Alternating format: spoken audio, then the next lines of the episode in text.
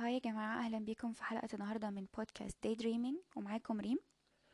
أنا حاسة إني اتأخرت شوية في حلقة الأسبوع ده بس آه، قشطة يعني يلا الحمد لله لحقت نفسي بسجل النهاردة.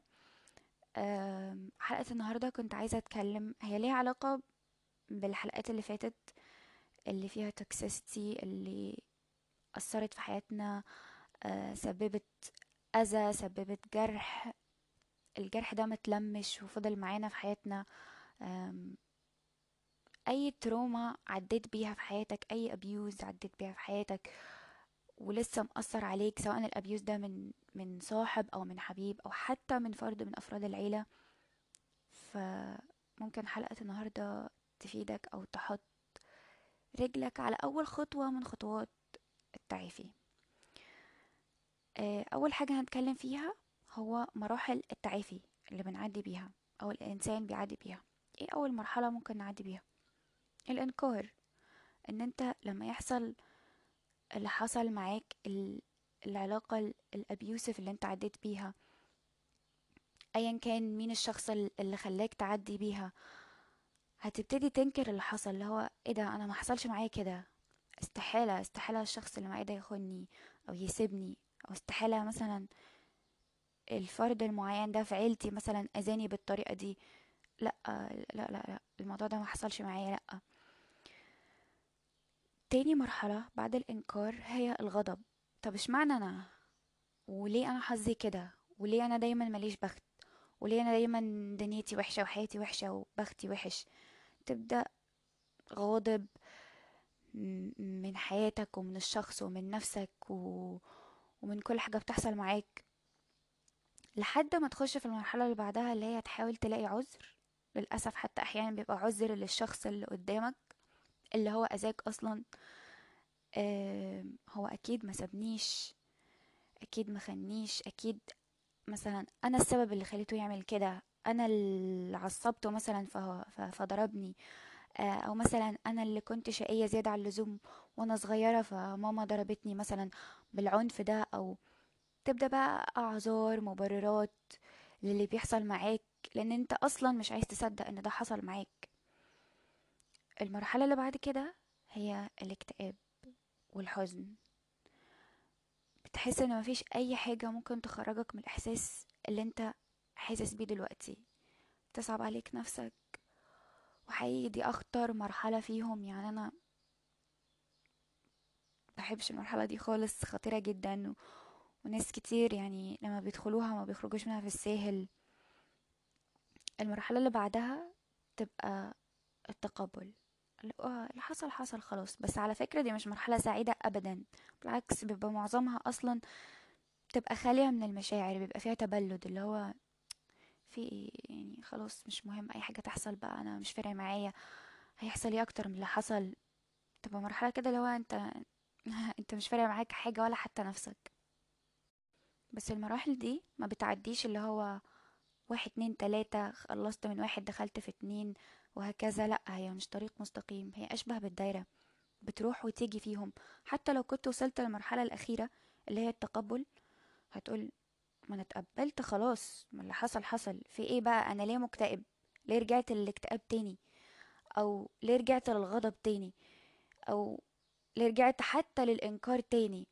عادي هي مش خط مستقيم هتفضل تروح وتيجي في المراحل كذا مرة ده عادي خالص وكله هيبقى كويس تاني. ما تحسش إن خلاص أنا حصل لي انتكاسة مرة هيفضل يحصل لي كل مرة أنا عمري ما هتعافى من الموضوع ده عمري ما هبقى كويس ابدا. ما تفكرش بالطريقة دي. أنت لو عديت بأبيوز وأنت صغير أو حتى وأنت كبير الموضوع أول ما بيحصل عقلك ما بيبقاش مستوعب اللي بيحصل. بيبقى كتير عليه بيبقى كتير وسط كل اللي بيحصل إنه يتحمله أو انك تتعامل معاه في وقت وقوعه. فعقلك كميكانيزم حماية ليك هيبتدي يخبيها يتجاهلها لفترة كبيرة من الوقت. بس مش للأبد أكيد هتطلع أول ما يحس إنك قادر إنك تتعامل معاها. كل حاجة ما حسيتهاش قبل كده هتيجي وهتتحس وهتطلع كل حاجة عقلك ركنها في القاع هتطلع لحد السطح. وممكن وممكن تبقى كتير عليك بس اوعى تتجاهلها تاني. اوعى تحس بالضعف أو إنك مش قادر. مفيهاش حاجة لو اديت لنفسك وقت تقعد مع نفسك تستوعب إيه اللي بيحصل تسألها. ده يعني ده إحنا مثلا لو في حد في حياتنا متضايق أو مكتئب بنديله وقت. فما بالك نفسك متستخسرش فيها وقت. صدقني أنت محتاج القعدة دي مع نفسك وتفتح في الماضي وتشوف إيه اللي لسه مأثر عليك لحد دلوقتي وإيه اللي لسه فاكره. ما تتجاهلوش أكتر من كده لأنه خلاص هو طلع للسطح. لو حصل وحاولت تتجاهله أو تغطيه هيطلع هيطلع بأي طريقة تانية. أه لو حتى على شكل تعب جسماني وكلنا عارفين إن في أحيانا أعراض أه جسمانية كتير مش بيبقى ليها أي سبب واضح هي من إيه. وبيجي مثلا الدكتور يقولك ده ده عنده تعب نفسي أو زعلان أو أو أو. زي مثلا الصداع المستمر آه، الدوخة اللي ملهاش سبب. أحيانا حتى السكر ممكن يجيلك بسبب مرض أو تعب نفسي. آه، تشنجات حرارة مرتفعة ملهاش سبب. كل ده بسبب حاجة انت بتحاول تكتمها غصبا عنها وما ينفعش تكتمها. حس اللي انت حاسه لأنه هياخد وقته ويمشي بدل ما يفضل موجود ومطاردك طول حياتك مش عارف تتخلص منه. فمبدئيا كده عشان نعرف نستوعب اللي إحنا بنعدي بيه أو نعرف نعدي أو نتعافى من اللي إحنا فيه ده هنعمل إيه؟ أول خطوة أول خطوة في الطريق ده إن أنت تبقى واعي وفاهم إن التجربة اللي أنت مريت بيها دي دي مش تجربة سهلة. دي تجربة سببت لك جرح وأنت لازم تلمه لازم تقف وقفة رجالة مع نفسك زي ما بتقف مع الناس لازم تستجدع مع نفسك. أنت عديت ب trauma لازم تفهم ال trauma لازم تفهم ال... يعني إيه trauma؟ يعني إيه الناس تفضل عايشة مثلا متأزمة بسبب حاجة حصلت لها هي عندها 8 عشر سنين وهي دلوقتي في العشرينات أو في التلاتينات.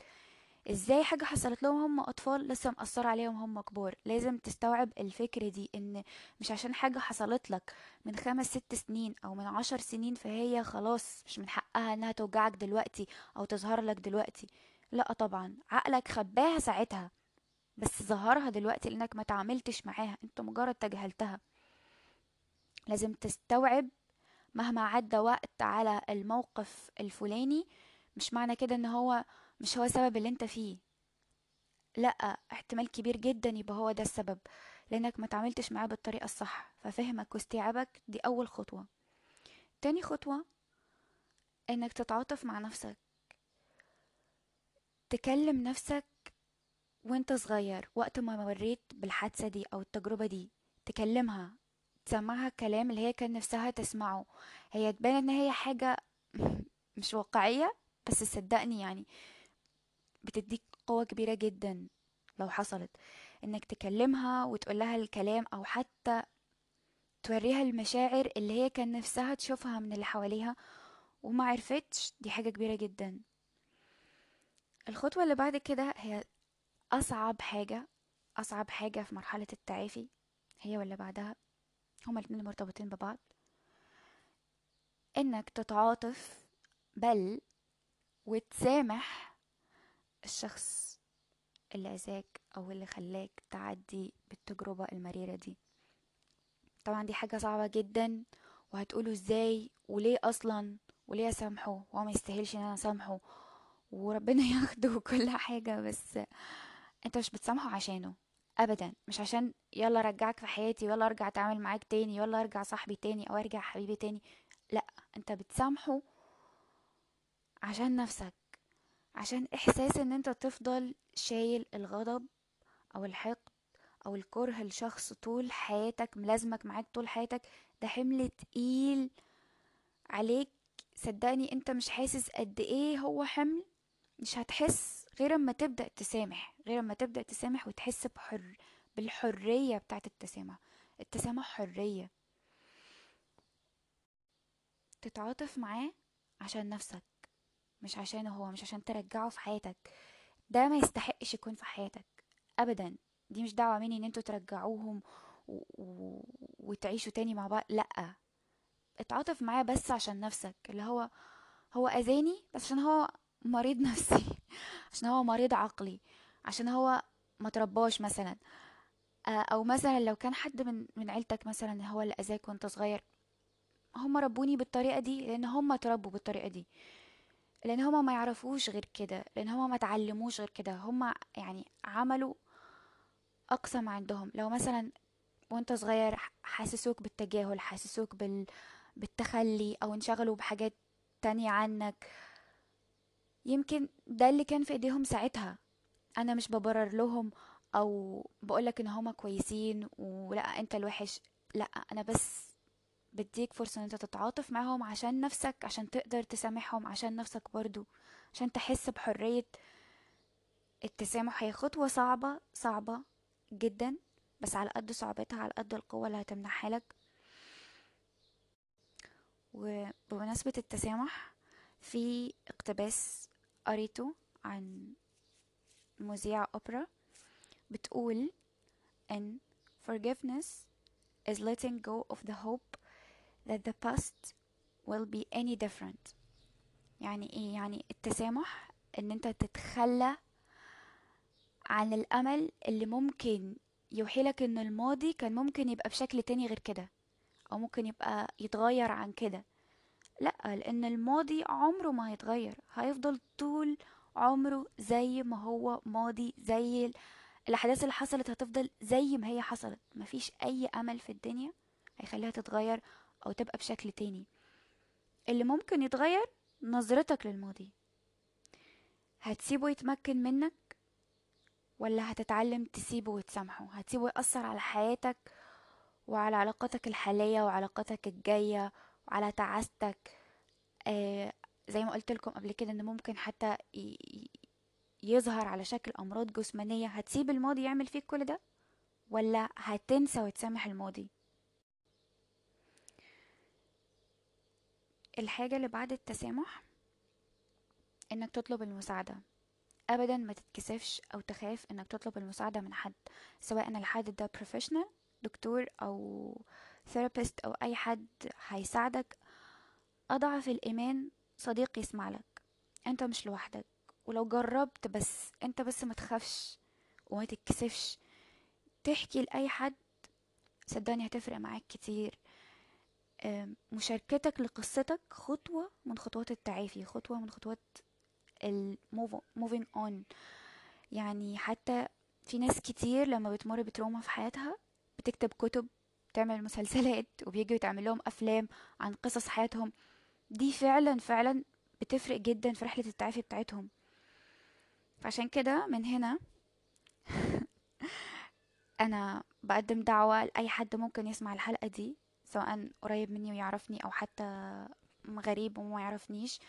وحابب يشارك آه، قصته أي وقت باسم باسم أو بدون بشروط أو بدون شروط حابب تشاركهم بس معايا أو نسمعهم آه، للناس على البودكاست. حسوا بالحرية إنتوا تقولوا أي حاجة بأي طريقة. أنا عملت اكاونت للبودكاست مخصوص على تويتر. اللي هيبقى اسمه ad dreaming تلاتة ستة تمانية. تقدروا تبعتوا لي أي حاجة أي أسئلة أي قصة أنتوا حابين تشاركوها حتى ممكن مستقبلا تقولوا لي أفكار حابين تسمعوها في الحلقات أو كده أو أسئلة حابين تسألوها ونجاوب عليها؟ كده يعني. أوكي غير مثلا مشاركة القصة ممكن مثلا تطلع طاقتك أو غضبك أو حزنك في التمارين آه، زي مثلا إنك تجري كل يوم الصبح أو أي في أي وقت في يومك تخصصه للجري أو المشي مش لازم الجري تعمل أي تمارين رياضية نط الحبل أي حاجة.